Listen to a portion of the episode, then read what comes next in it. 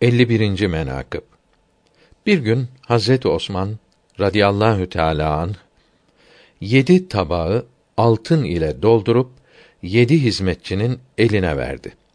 Muhammed Mustafa sallallahu teâlâ aleyhi ve sellem hazretlerine hediye gönderdi. Hizmetçiler tabakları huzuruna koydular. Hazret Resul Ekrem buyurdular ki: Geri gidin. Efendinize selam götürün. Hizmetçiler, köleler dediler ki: Ya Resulallah, efendimiz bizi de tabaklar ile size hibe etmiştir. Resulullah Hazretleri buyurdular ki: Ya Rabbi, Osman'ı sana havale ettim.